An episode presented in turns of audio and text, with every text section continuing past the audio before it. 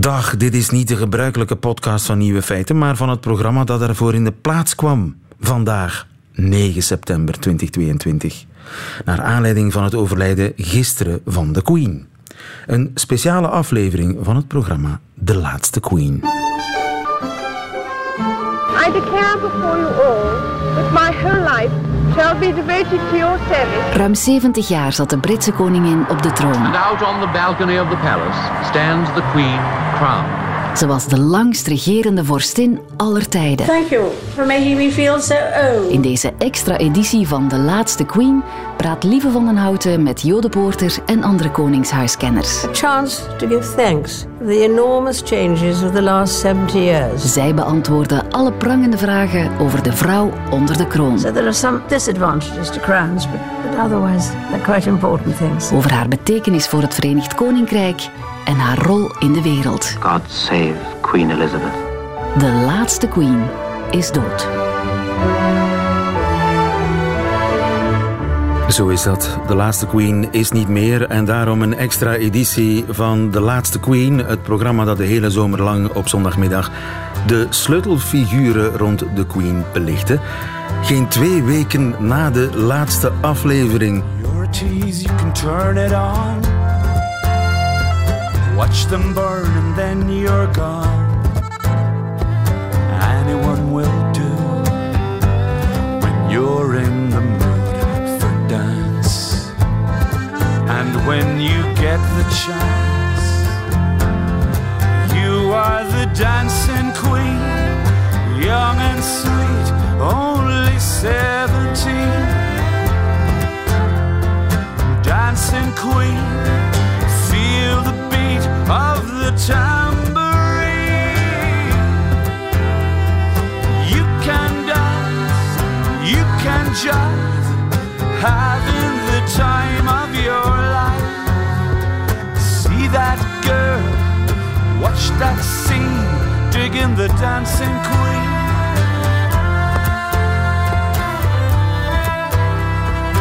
Ja, en over dit nummer zou Haar Majesteit gezegd hebben: Ik ben de Queen, ik kan dansen, dus ik ben de Dancing Queen. Vandaar een van haar uh, ja, favoriete nummers misschien wel van ABBA, maar hier in de ingetogen versie van uh, Luca Bloom. De laatste Queen. Een goedemiddag, Harry de Pape. Goedemiddag. Harry de Pape, auteur van het boek Sausage, vrij vertaald Sauciske. Want dat was de bijnaam die haar man Prins Philip haar gaf. Een vrolijk boek over de vorstin, wijdende vorstin.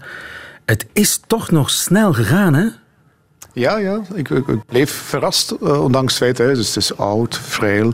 En toch uh, was het vrij onverwacht als je nog die beelden bekeek van hoe Liz Truss premier werd. Hè. En dan die foto nadien, waarbij ze nog vrij ja, monter op de foto staat. En dan twee dagen later is overleden. Hè. Ja. Dus daaraan zie je hoe snel het kan gaan. Hè. Ja, heel wat koningshuiskenners en queenkundigen hadden gedacht... ja, dat, dat wordt er eentje zoals haar moeder, die wordt 100, 101. Mm. Ja. En toen kwam eh, gisteren dan toch het bericht. Iedereen zal zijn hele leven lang wellicht uh, zich herinneren waar hij was. Zo'n moment was het dus. Gisteren, waar was jij? Uh, ik zat in Antwerpen uh, achter, achter de schermen van de Zuiderkroon, want ik moest in dat nieuwe tv-programma met Gert Verhulst verschijnen om over de Queen te praten. Ach. Ja. Ah, ja, want toen, toen, was al duidelijk dat er iets mis was. Er, ja. Het medische team had, haar, had zijn zorgen geuit over de Queen. Niemand wist dat ze eigenlijk al dood was op dat moment. Want ja, dat is ook nog iets wat niet helemaal duidelijk is. Het precieze tijdstip van haar overlijden. Ja, in de loop van de namiddag. In de loop van de namiddag. Maar ja, ik herinner, me, ik herinner me niet persoonlijk, want ik was er niet bij. Bij de, het, het sterven van haar vader werd precies het tijdstip vermeld. 15 uur 30 of zoiets. Wat was het? 15 uur 45? dat is nu niet gebeurd. Wel raar, hè? Nee. Ja, de, de, communicatie is in handen van de dokter op dat vlak. Hè. Dus dat is ook, ook wel bewust, denk ik. Uh, misschien ook niet om niet aan te geven dat niet iedereen erbij was. Misschien is dat de reden, de achterliggende reden.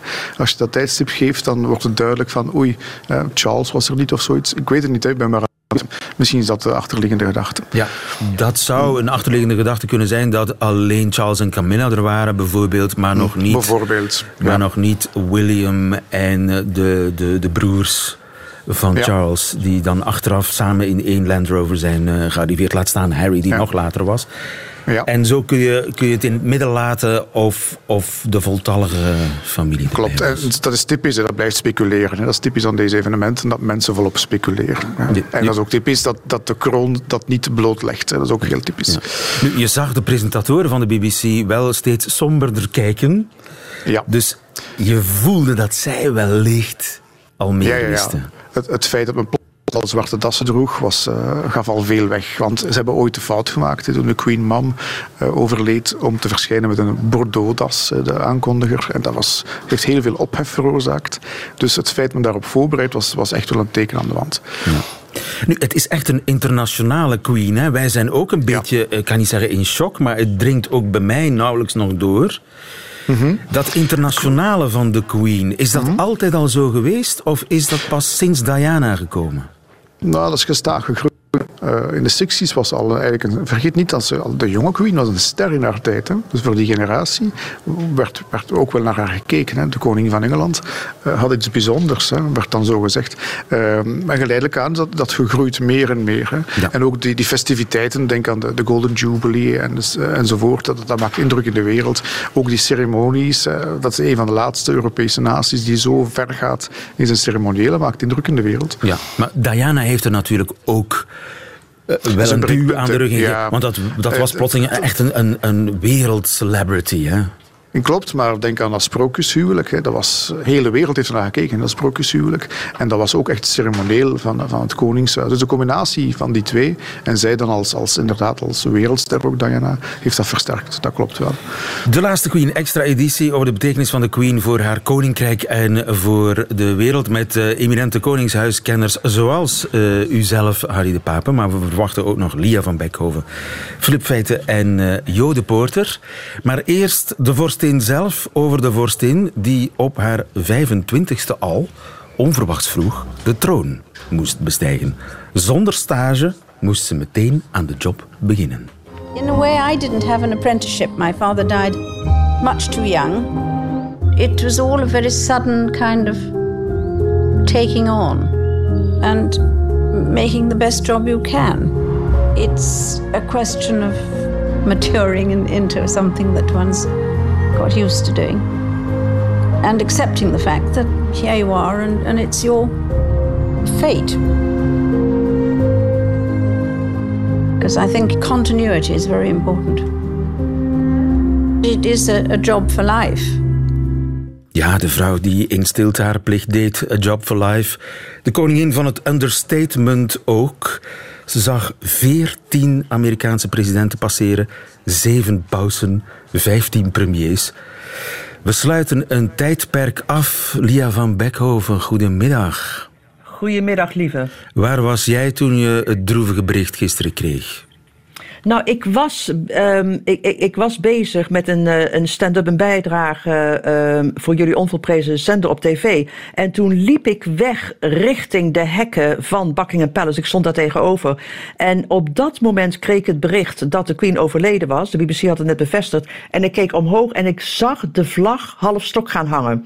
Uh, er waren al een aantal, laten we zeggen, 200, 300 mensen, schat ik, hè, die vanwege dat uh, nieuws over de verslechterende gezondheidstoestand uh, van de Britse majesteit naar het paleis gelopen waren. En uh, ik vroeg uh, aan iemand van, u weet inmiddels dat de queen overleden is? En ze wist het niet, ze was een Amerikaanse toerist en ze barst meteen in huilen uit. en um, andere mensen die wisten het ook niet, sommigen wel. Maar de sfeer daarna was heel merkwaardig. Ik bedoel, iedereen keek naar die officiële mededeling dat de queen overleden was. Hè. Die, die, die verschijnt dan nog dat hek van Buckingham Palace. Um, zoals de traditie gebied. En um, er hing iets heel erg onwezenlijks. Mensen praten niet met elkaar, maar ze staarden een beetje wezenloos voor zich uit alsof ze enigszins in shock waren.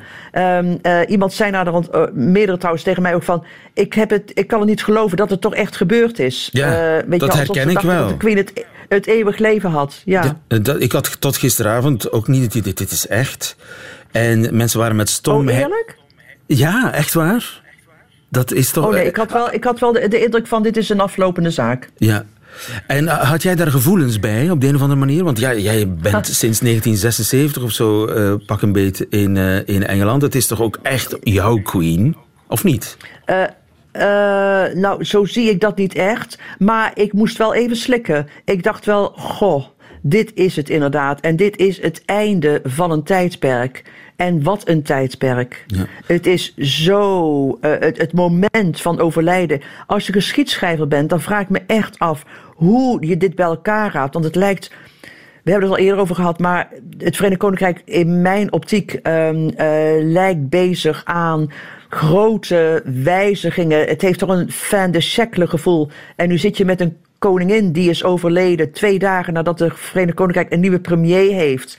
een land waar alle instituten toch eigenlijk tot op de draad versleten zijn, waar heel veel uh, publieke organen op hun tandvlees lopen, uh, waar problemen zijn over de identiteit van het land. Het Verenigd Koninkrijk weet niet meer wat de plaats in de wereld is, zie Brexit, of het als eenheid nog bestaat over 30 jaar, of zijn de Schotten al uitgetreden, begrijp je? En op dat moment overlijdt ook nog de vrouw, die het allemaal 70 jaar lang bij elkaar houdt. Ja, de Britten verliezen een stuk van hun identiteit. Dat is het eigenlijk, hè?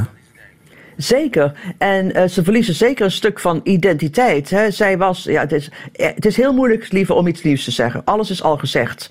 En het probleem is dat iedereen zichzelf voortdurend herhaalt. Want de Queen zelf, die zei niks die zei niks. Uh, uh, dus dat is natuurlijk uh, niet makkelijk voor ons als, als verslaggever. Ja, maar, ja, ja, maar inderdaad, um, ze, ik, ik denk ook dat de reden waarom ze zoveel respect had en populair was in het Verenigd Koninkrijk um, is omdat zij was de enige constante, zo je wil. En de afgelopen 70 jaar is er zoveel veranderd. Maar het kon veranderen. En het Verenigd Koninkrijk kon uh, zichzelf ontwikkelen. En in ieder geval bij elkaar blijven omdat, denk ik, de achtergrond, het behang, zo je wil, wat tegen het alledaagse leven zich afspeelde, de Queen was. Ja, en die eigenlijk niet veranderde. Ja, en zij was de, de laatste nog levende link met de echte greatness van Britain. Uh, het land dat de halve wereld domineerde en dat de nazi's had verslagen. Absoluut. Uh, inderdaad, zij was het symbool van their finest hour. Het verslaan van de naties. Zij was ook nog de laatste link met het Britse Empire. Hè? Haar moeder was de laatste keizerin van India. Um, uh, en dat zijn ze uh, dus nu allemaal kwijt. Dat zijn ze nu allemaal kwijt. Nu, de Britten beschouwden haar ook echt als hun grootmoeder. Hè? Uh, ook al kenden ze haar niet echt. Uh, als je met, met Engelse praat, of je gesprekken kon afluisteren, wat ik wel eens deed als ik dan in, in Londen op bezoek was in zo'n zo'n uh, stately home, hè, dan, dan horen dames met elkaar praten over de Queen. En dan lijkt het alsof ze over hun eigen grootmoeder aan het praten zijn. Ja, ja, ja, ja, dat was het natuurlijk ook. En uh, toch ook een soort van respect en trots hè, dat zij uh, creëerde voor het land. Ik bedoel, wat ze ook deed, behalve dan dat ze. Dat, dat vind ik haar, als je, als je het mij zou vragen, dat vind ik uh, haar uh, grootste verdienste. Dat ze het Verenigd Koninkrijk bij elkaar hield. In een tijd van verregaande democratisering. Ik bedoel, toen ze gekroond werd, dacht echt een derde van de bevolking dat ze rechtstreeks door God was benoemd. Uh, die tijden zijn zo ongelooflijk snel en veel en diep veranderd. He, het is een ander land nu. Veel. Oh, Harry, ben jij er nog? Ja, ik ben ah, Het is een ander land, inderdaad. Want, uh, dat klopt ook, ja. Oh ja, maar, je viel even weg, uh, Lia, maar dat is geen probleem.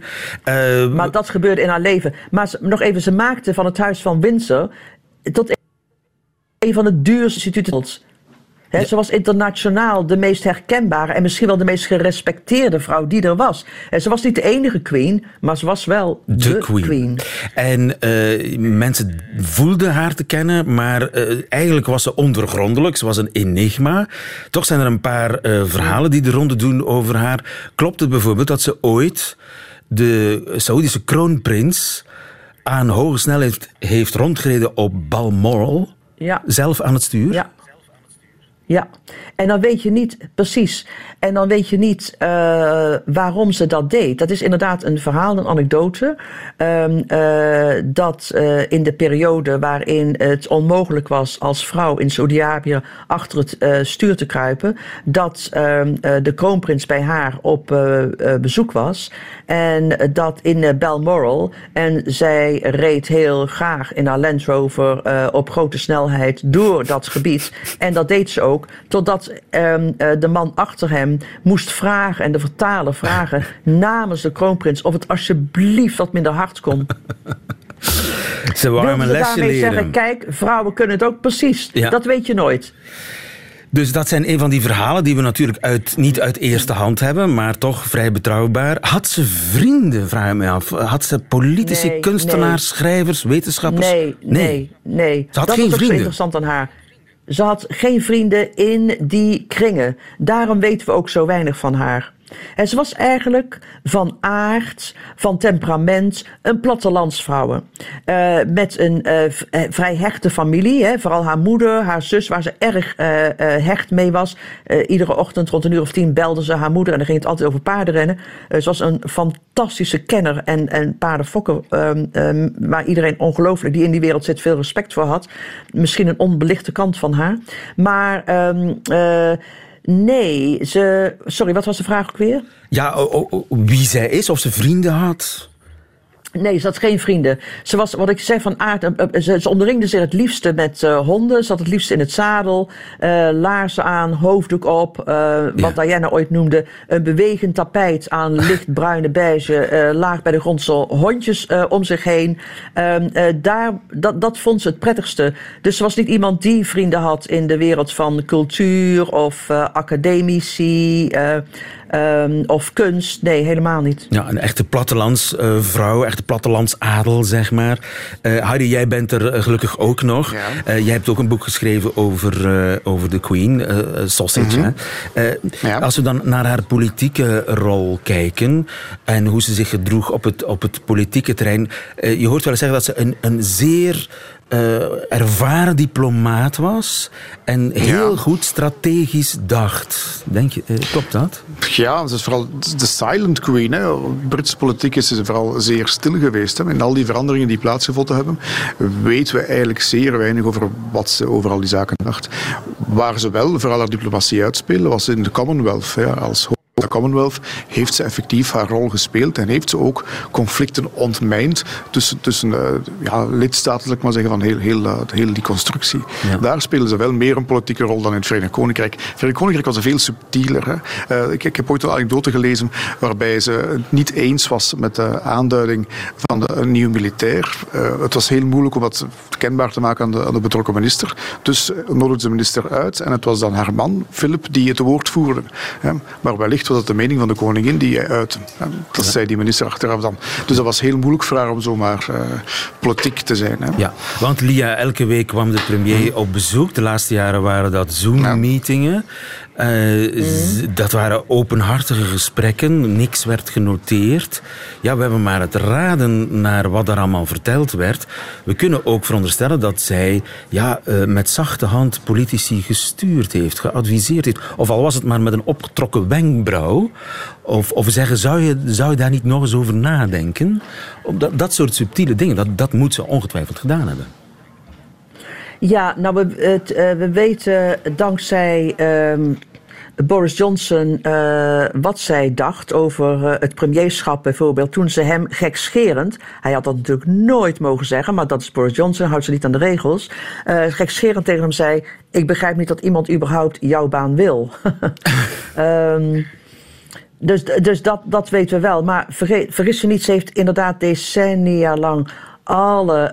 Um, alle informatie gelezen die de geheime diensten uitwisselden. Alle diplomatieke uh, communicatie heeft ze gelezen. Alle wetten, alle wetsvoorstellen, begrijp je? Bijna iedere dag. En ik moet je zeggen, uitgesproken politiek, in tegenstelling tot de huidige koning Charles, is ze niet, was ze niet. Maar ze had wel zicht op alle wetsvoorstellen en wetswijzigingen um, uh, die haar aangingen en die ze ook mocht wijzigen. Ehm, en dat heeft ze ook gedaan. Heeft dat met dat zogenaamde Queen's Consent te maken? Juist, juist, juist. Dus dat heeft ze, en dat heeft ze ook gedaan. Hè. Van de 1100 of zo wetsvoorstellen die ze gezien heeft, heeft ze er uh, vier uh, uh, gewijzigd. En dat zijn bepaalde um, wetsvoorstellen die ze mag wijzigen? Of mag ze alle wetsvoorstellen? Ze mag alle wetsvoorstellen. oh ja. Ze mag alle, ze heeft een koninklijk veto over alle zaken die haar persoonlijk belang raken. Okay, Wat is persoonlijk belang? En hoeveel zaken. Ik bedoel, dat kan zijn van het verhogen. De suggestie dat je het rijbewijs. Eh, de leeftijd van het rijbewijs verhoogt, bijvoorbeeld heeft uh, dat, uh, dat, dat, dat, je kunt zeggen, dat is in het belang van de Queen, dat zij daar uh, zeggenschap over heeft. Alles wat te maken heeft met bedrijf, met boerenbedrijf, met landerijen, grond, huizen, woningen, vanwege haar investeringen, raakt dat ook aan haar belang. Dus daar heeft ze voor gelobbyd. Niet zo hard misschien als, prins Charles, sorry, als koning Charles gaat doen, maar zij heeft het zeker gedaan. Ja. Dus wat dat betreft is ze absoluut politiek. Dus in de luwte is ze wel een, een gedegen lobbyiste geweest en heeft bepaalde zaken echt gestuurd. Bijvoorbeeld, uh, uh, één voorbeeld is dat ze via haar secretaris aan ministers dan uh, liet vragen, in één geval, of er een manier bedacht kon worden dat zij zich niet hoefde te houden aan een nieuwe wet die ging over meer transparantie in het bedrijfsleven. Dat was in de jaren 70. Wow. Waarom ze dat wilde, was zij was bang dat bekend zou worden hoe groot haar fortuin was. Want via die nieuwe wet uh, konden aandeelhouders niet langer buiten schot blijven hè, als ze uh, uh, investeerden via derden bijvoorbeeld in beursgenoteerde bedrijven. Die mensen moesten allemaal genoemd worden. En daarom werd een constructie bedacht waardoor haar vermogen toch anoniem kon blijven en dat ze haar vermogen anoniem kon blijven onderbrengen bij bepaalde bedrijven. Ja. Oké, uh, dat uh, is genoteerd, want dat, dat is toch een, kleine, een klein minpuntje, of toch een smet op dat uh, voor de rest um, ja, smetteloos blazoen van uh, de Queen. Uh, Harry, ik begrijp dat jij heel... Want jij bent les aan het geven, hè? Jij moet weg. Ja, ja, ja. De leerlingen weg, wachten, dan nemen we afscheid. Dankjewel, Harry de Pape, ja, okay, voor je bijdrage. Lia blijft bij mij vooral, want ik wil nog even door over de Queen. Uh, de, haar ja, plichtsbesef is al uitgebreid geroemd. Ze is echt het vlees geworden, plichtsbesef. Dat is het belangrijkste natuurlijk. Haar stoïcisme, haar flegma dat is ook spreekwoordelijk. Uh, haar fortuin, daar hadden we het over. Dat is wat minder op de, op de voorgrond getreden. Zelf... Uh, ook niet toevallig? Ja, ook niet, want dat is natuurlijk wel uh, minder uh, voor het imago natuurlijk. Want haar imago is er een van soberte, van ja, tupperware potjes zelfs. Hè? Ja, de, zo zien de Britten haar ook het liefst. Als iemand die inderdaad uh, haar ontbijt gaande bewaarde in plastic uh, bakjes. En uh, die toen als tiener haar eerste hecht doodschoot. En die verder door de lange gangen liep van Buckingham Palace... waar ze s'nachts het licht uitdeed, uitdeed als die lampen nog brandden. maar dat is natuurlijk maar het halve verhaal. Ja. Ik bedoel, ze was een fantastisch, fantastisch fortuinlijke vrouw. Um, heel erg um, rijk. Maar niemand weet hoe rijk en het is ook opzettelijk erg diffuus en erg ingewikkeld, um, uh, omdat hun investeringen en inkomen uh, ingewikkeld is en ze er alle baat bij hebben om dat zo te laten. Ja, Jo de Porter is erbij komen zitten. Goedemiddag, Jo. Goedemiddag. Jo, uh, was zij gelovig? Ja, maar was heel gelovig. Ze, Lia heeft daarnet nog gezegd dat ze, toen ze aantrad als vorstin, dat een derde van de Britten dacht dat ze door God gezonden was. In ieder geval, zij was bij die een derde. Zij geloofde tot op de laatste dag. Daarom is ze ook op die stoel blijven zitten tot het allerlaatste moment, omdat zij een gezalfde vorstin was en dat zij gekozen door onze lieve Heer was en alleen maar gehaald zou kunnen worden door onze lieve Heer. dus dat had niets te maken met de kwaliteit van haar troonopvolger, dat was echt een opvatting over de taak. Zelfs al had je daar een Obama-versie gehad van uh, Prins Charles, If only. Dan, um, dan had ze nog gewacht. Ja, maar gelovig was ze dus. Ja, ze was het hoofd van de Anglikaanse kerk. The only way to live my life is to try to do what is right. To give of my best in all that the day brings, and to put my trust in God. Whether we believe in God or not, I think most of us have a sense of the spiritual, that recognition of a deeper meaning and purpose in our lives. And I believe that this sense flourishes despite the pressures of our world. Ja, eh, eh, Lia, jij gelooft ook dat de, de, de queen gelovig was, ook echt gelovig, niet zomaar een beetje vaag spiritueel? Heel erg gelovig, absoluut. Ze was diep gelovig. Ze nam haar taak als hoofd van de Anglikaanse kerk ook heel erg serieus. Um, ja, sorry, ik kan er niet zoveel aan toevoegen, maar ze was absoluut diep Ik moet ook zo weg. Uh, ik heb nog een andere afspraak over vijf minuten. Lia, ik laat je gaan. Uh, het is een drukke dag voor uh, Koningshuiskenners. Lia, hartelijk dank dat je bij ons wou zijn. en dat je je, je, je, absoluut je zeer dierbare tijd aan ons hebt besteed. Dankjewel, Lia van Beckhoven in Londen. Het was een eer en een genoegen. Ja, dankjewel. Jode Poorter, um, gelovige vrouw die confrontaties vermijdt. Hè? Dat kenmerkt haar toch ook? Ja, dat is een heel andere stijl dan je nu gaat krijgen bij de nieuwe koning. Ik wil trouwens over het geloof nog even zeggen dat een van de, de, de, de titels die ze droeg was als hoofd van de Anglikaanse kerk Defender of the Faith, hè, verdediger van het geloof. Dat is in de voorbereiding voor wat Charles nu gaat doen, die zich zal noemen Defender of Faith. Gaat hij dat echt doen? Jazeker. Hij, uh, dat is al nu veranderd. Hij is de Defender of Faith zonder het lidwoord. Dat betekent, hij is de verdediger van geloof. Niet meer van het geloof, van het Anglikaanse geloof, het katholieke geloof, maar van alle geloven bij elkaar en van ook nog een brokje uh, esoterie daar ook naast. Dus mensen die, die hun energie uit planten halen of geloven dat er iets is, die horen er ook allemaal bij. Ja, maar blijft hij hoofd van de Anglikaanse kerk? Dat, uh, ik denk dat dat met de functie komt. Dat valt nog af te wachten of hij heel veel dingen blijft die zijn moeder ook was. Het is opvallend dat hij, je had het daarnet over de timing van het overlijden en hoe dat nu deskundigen proberen beter samen te stellen wanneer ze overleden is en wie er dan niet bij was. Het enige wat je daar wel met zekerheid over weet, is dat Harry er niet bij was als de bekendmaking de wereld is ingestuurd. En dat is denk ik een van de eerste beslissingen van koning Charles. Om die bekend... We wachten niet langer. We wachten niet langer. En de familie is bij de queen.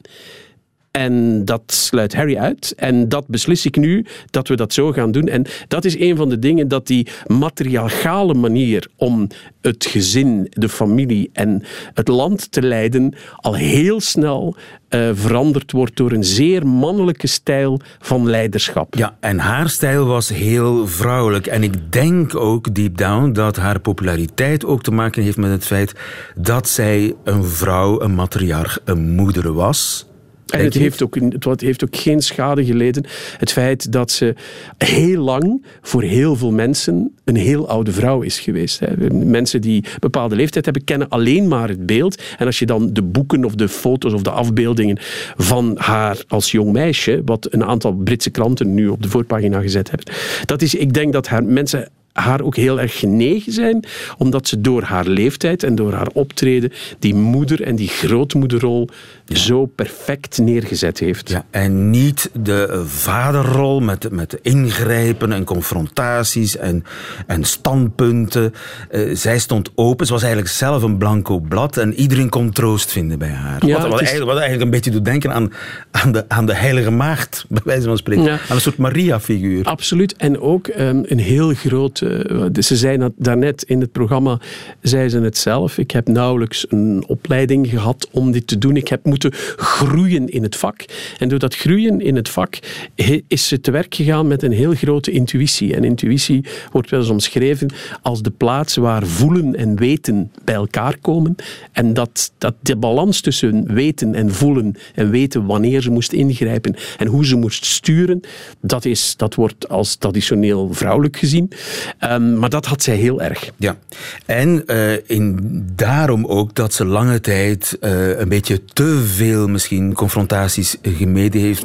Vooral dan in de privésfeer. Ja. Dingen laten aanmodderen. Ik denk aan Diana, ik denk aan recentelijk Andrew en zijn uh, esbattementen, uh, dat dat toch een beetje ja, lang aangesleept heeft voor, hij, voor ze daar heeft ingegrepen. Bij alles wat je nu genoemd hebt, uh, kan je, en op een dag als vandaag, moeten we daarvan de goede kant kiezen en moeten we daarvan het positieve inzien.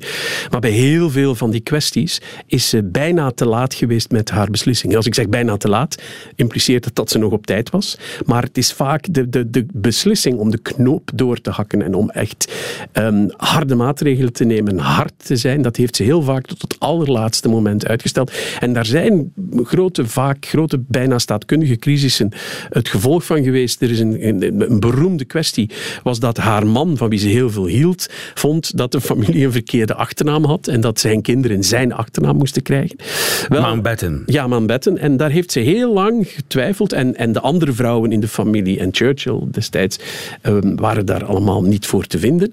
Maar toen heeft ze gewankeld en jaren later is er dan toch, en dat is waar die intuïtie en die vrouwelijkheid uh, heel sterk naar voren komt, heeft ze een, ja, een, een oplossing gevonden, namelijk dat sommige leden van de familie uh, Mountbatten Windsor heten. Dus degene die niet in de erfopvolging zitten. Dus Charles is een Windsor, maar zijn zus Anne is een Mountbatten Windsor. Oké. En dat is als, als soort compromis uit de bus gekomen. En dat is iets wat zij in elkaar gezet heeft om tegelijk de man, maar toch ook uh, de Windsors uh, uit de wind te houden. Ja, Flip Feiten is er ook bijgekomen. Dag Flip. Hey, hallo. Hey Flip, waar ben jij? Ik ben in Belfast, Noord-Ierland. Dat is uh, mooi meegenomen, want dat is een van de onderdelen van dat Verenigde Koninkrijk, wat uh, misschien straks niet meer bij dat Verenigde Koninkrijk gaat horen, of wat toch een beetje wankelt. Dat is inderdaad zo. De politieke situatie is nu zo dat er stilaan een meerderheid is voor mensen die uh, de zogenaamde nationalisten, de republikeinen, die aansluiting willen bij de Republiek Ierland, die de jongste verkiezingen hier ook gewonnen hebben. Uh, de, die Noord-Ieren zijn ook heel boos over de brexit, want die wilden bij het Verenigd Koninkrijk blijven. En die zijn dus, hoe zal ik het zeggen, dat zijn geen monarchisten, uh, lieve. Maar er is een verschil, ze maken een verschil tussen de monarchie en de queen. Cruciaal punt. dus er is zeer veel respect en dus ook veel verdriet uh, over het overlijden van de queen als persoon. De monarchie, dat is een andere kwestie. Bij die nationalisten. Bij de unionisten, dat zijn de, de protestanten, degenen die eigenlijk uh, bij het, absoluut mordicus bij het Verenigd Koninkrijk willen blijven, daar is de sfeer, ja, dat is voor hen een tragedie natuurlijk. Ja, zie je mensen huilen op straat? Wordt er over niks nee. anders gepraat? Nee, nee, nee. Het, het, leven gaat hier echt gewoon zijn gangetje. We, we gaan er geen drama van maken de, dat er gewoon niet is. Maar wat je wel meteen ziet is, in de bushokjes hangt al een poster met uh, dat officiële portret van de Queen. En ik, uh, een, uh, een, een, uur geleden was ik op Shankill Road. Dat is een, een puur unionistisch, dus protestants stadsgedeelte West-Belfast. En daar hing al een grote schildering aan de muur met als opschrift The People's Monarch. Aha. The People's Queen. En dat is een echo, je herinnert je dat ja. misschien, met The People's Princess, de uitspraak van Tony Blair toen Diana stierf. Dus aan die kant van de bevolking, de protestanten, de unionisten... Daar is een ja, soort Diana-moment. Daar waren ze meteen Diana. klaar ja. om dat ding op te hangen en, en die uh, slogan te lanceren. The Queen was the people's monarch. Ja, nu dat ook de katholieke kant niet afkerig staat tegenover de Queen, heeft misschien te maken met haar beroemde speech van een jaar of tien geleden in Dublin, waarin ze zich ja, min of meer excuseerde voor wat de Britten destijds tijdens de, de periode van de Troubles allemaal hebben gedaan. To all those who have suffered as a consequence of our troubled past, I extend my sincere thoughts and deep sympathy. With the benefit of historical hindsight, we can all see things which we would wish had been done differently or not at all. We hadden misschien dingen anders moeten doen of dingen niet moeten doen. Dat, slim geformuleerd. Slim geformuleerd, maar daar is ze ook niet te beroerd voor om, om die bocht te maken. Absoluut. Ze heeft zich niet geëxcuseerd, dat heb je gemerkt. Hè? Nee, het woord excuus is niet gevallen. Nee, nee is niet gevallen. En je moet ook weten, uh, er is een familielid van haar vermoord. Een, een oom van uh, uh, prins Philip, vermoord door het IRA. Ja. En toch heeft, heeft ze dat bezoek afgelegd. Is ze de, de verbindende figuur willen zijn? Is ze de vredesfiguur willen zijn? En is ze naar Dublin gegaan en ook naar Belfast, waar ze de hand geschud heeft, nota bene, van Martin McGuinness, een van de politieke leiders van het IRA, het Ierse Republikeinse leger, dat waarschijnlijk verantwoordelijk is. En de man zelf trouwens heeft waarschijnlijk het bevel gegeven om dat familielid van haar te doen vermoorden. En toch heeft ze die man een hand gegeven met de breedste glimlach die er maar te denken was. Natuurlijk, het Britse leger, de Britse politie, heeft ook dingen gedaan in Noord-Ierland die absoluut niet kunnen. Uh, die ver over de schreef waren. Dus er zijn aan twee kanten verwijten te maken. Things we wished we wouldn't have done. Ja, maar zij is er toch in geslaagd om ook de, de katholieke Ieren voor zich uh, te winnen, ook in Noord-Ierland. En dat is een geweldige prestatie. En, ja. uh, waar we het nog niet over gehad hebben, en wat zeker ook geholpen heeft om haar populariteit op te krikken, is haar humor. Vooral de laatste twintig jaar. En met name na de dood van haar moeder. Het lijkt alsof haar moeder eerst dood moest gaan... voor ze ja, durfde meespelen in sketches met James Bond en met Beertje Paddington. Ja, en, uh, en er kwamen ook meer en meer verhalen. Zo kwam ze, uh, ze was aan het wandelen vlakbij Balmoral Castle, waar ze nu overleden is. En ze kwamen een stel Amerikanen tegen die haar niet herkenden. En die zeiden van, hebt u uh, de Queen al eens ontmoet? En haar begeleider zei, ehm, ik, ik, nee, zij zei, zij zei zelf, ik niet, maar hier mijn begeleider, die, die heeft haar wel gezien. Okay. Waarop die mensen vroegen, ja, wat, wat, is er voor iemand? en waarop die man zei, waar de queen stond naast hem, oh, ze kan vaak heel humeurig zijn, maar ze heeft wel veel humor. en dat vond ze fantastisch. Dat vond ze heerlijk. Dat was haar humor. Ja, Overigens, heren uh, Jo en uh, Flip, uh, ik heb even gecheckt, er zijn al heel wat cheeky tweets hmm. over de queen, een beetje aangebrande durfde tweets, naar aanleiding van haar overlijden gelanceerd. God zelf bijvoorbeeld, je weet dat God op Twitter zit. Ja, die heeft, ja, die heeft al getweet: I can only save the Queen for so long. Waar ze waarschijnlijk zelf hartelijk had, had uh, kunnen omlachen. Een andere is een, oh, min, yes. een minder grote fans van de Queen, die hebben al getweet. I'm no fan of the Queen, but meeting Liz Truss and then immediately dying is a move I respect. Ze werd dus uh, op straat aangesproken door iemand die zei: You look very much like the Queen. Waarop haar antwoord was: How very re reassuring.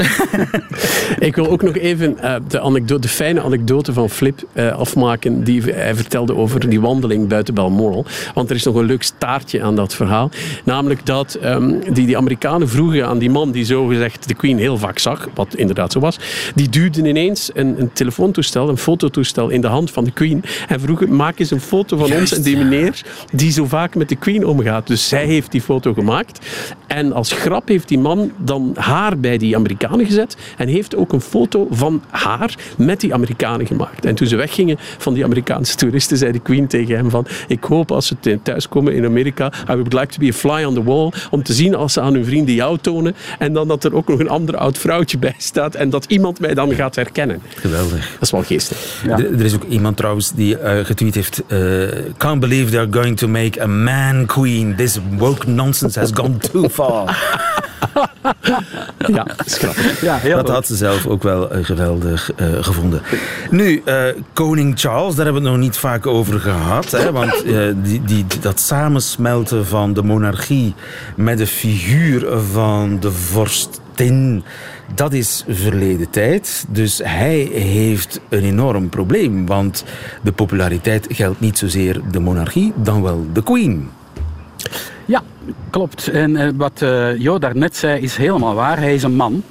En dat is in dit geval een nadeel.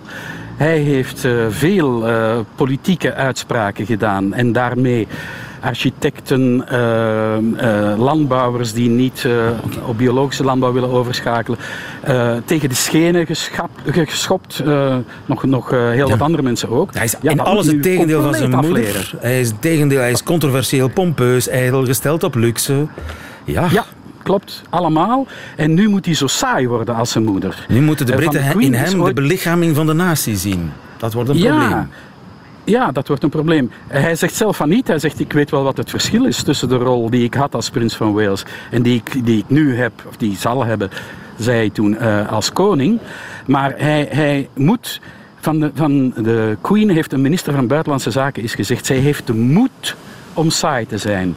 Wel, die moed moet Charles nu ook hebben. Ja, ik wil er nog even een, een hedendaags woord tegen aangooien. Waar hij nu heel erg last van zal hebben, is van knaldrang. Omdat hij heeft natuurlijk heel lang op die reservebank gezeten. En zo lang moeten wachten om dit te doen wat hij absoluut heel graag doet.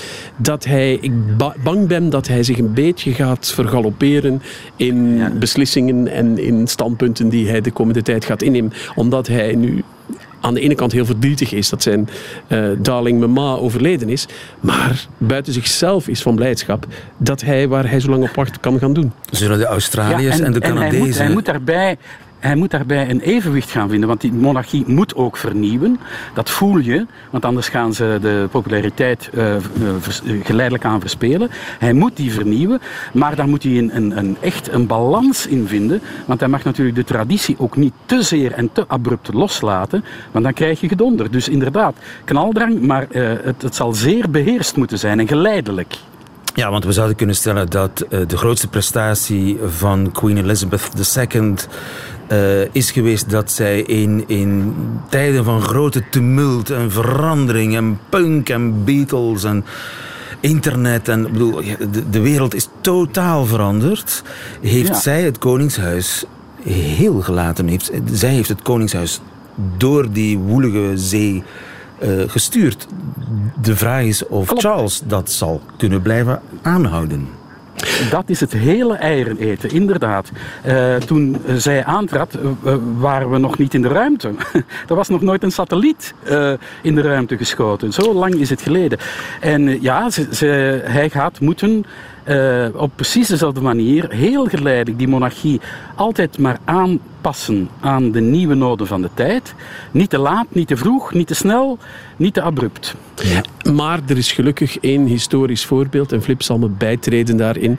De zoon van uh, de legendarische koningin Victoria is zeer laat uh, tot het vak gekomen, is door zijn moeder altijd weggehouden van alle verantwoordelijkheden en van alle ervaring en heeft toch... Was een, een, een, een, feestneus, hè? Was een feestneus, was een hoerenloper, was een drankzuchtig, en is toch bij zijn koningschap de geschiedenis later ingegaan als een zeer goed vorst.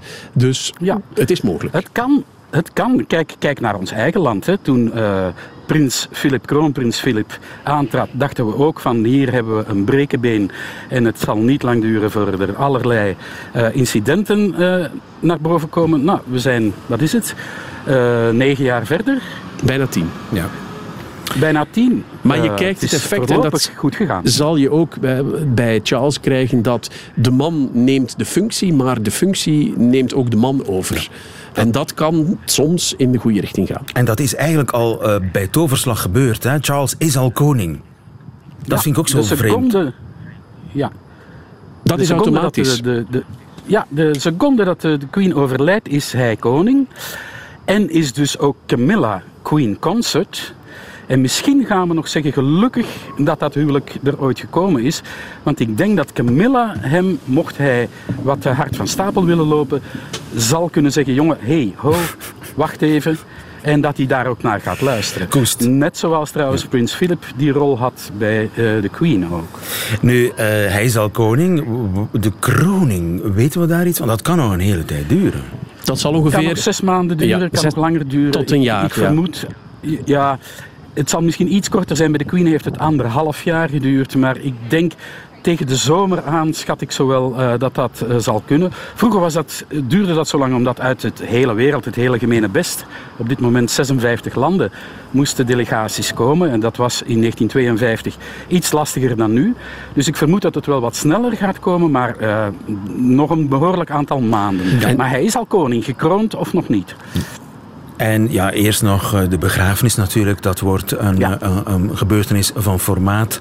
Dat zal over een, een dag of tien uh, gebeuren. En ja, op dit moment zijn allerlei protocollen en scenario's gestart. Dat elke dag uh, zal er wel iets gebeuren in Engeland. We kijken daar naar uit. We hebben nog 40 seconden. Waar waren jullie gisteren? Ik stond op een podium een bedrijfsfeest te presenteren. En toen ik er afkwam, was opvallend dat ik niet bericht zag dat de Queen was overleden, maar dat allerlei mensen uit mijn omgeving mij condoleerden met haar heen gaan. Dat vond ik wel bijzonder dat er zo'n soort gevoel van eigenheid is, alsof er iemand uit het eigen gezin of de familie overleden is. Flip, heel kort. Ik zat op een boot tussen Schotland en Ierland, midden in het water. Dat zal je nooit vergeten. Want zo'n moment was het. nee. Iedereen zal nog weten waar hij was toen gisteren het eh, bericht viel dat de koningin van Engeland is overleden. Heren, mag ik jullie hartelijk danken. Onze podcast is er eh, over een half uurtje al. En het laatste woord is aan Bas Birker. De laatste queen. Middagjournaal. Liefste landgenoten. Als er één ding is dat ik standaard doe wanneer een bekend persoon sterft, is het wel de regionale media checken.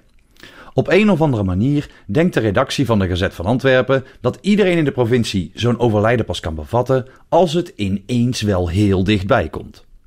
En dus surfde ik vanmorgen vol verwachting naar gva.be voor koppen als Johan76 uit Wommelgem maakte portret van Queen met aardappelschillen en familie Engels uit Boeghout in shock. Ze was een moeder voor alle Engelsen. Mijn teleurstelling kon niet groter zijn. Ik bleef harder op mijn honger zitten dan voormalig Prins Charles de afgelopen 73 jaar. Ik moest het doen met een schamele. Jeffrey uit Lichtenvelde staat tussen honderden rouwende Britten aan Buckingham Palace.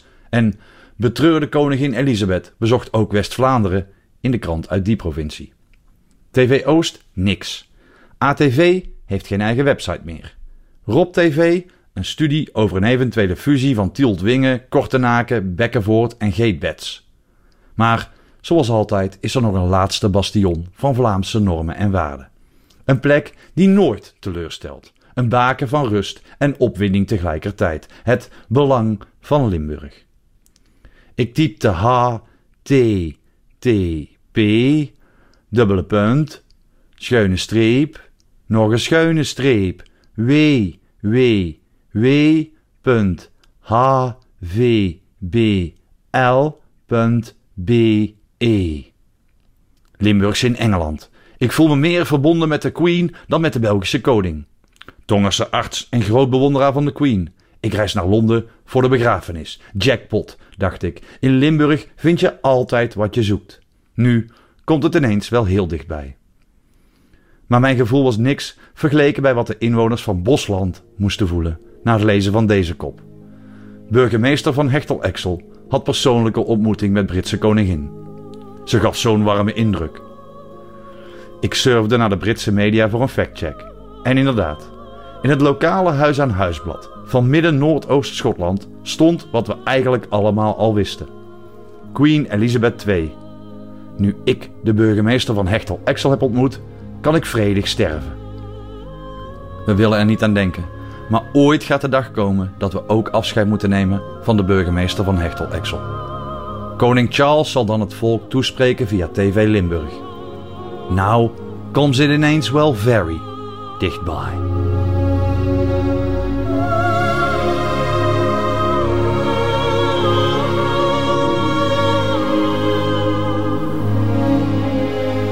Ziezo, dat was hem. Deze wat eigenaardige versie van de podcast van Nieuwe Feiten. Die eigenlijk een podcast was van The Laatste Queen. Maar de twee programma's die zijn als het ware gefusioneerd... naar aanleiding van het overlijden van Queen Elizabeth, de laatste Queen. Tot een volgende keer.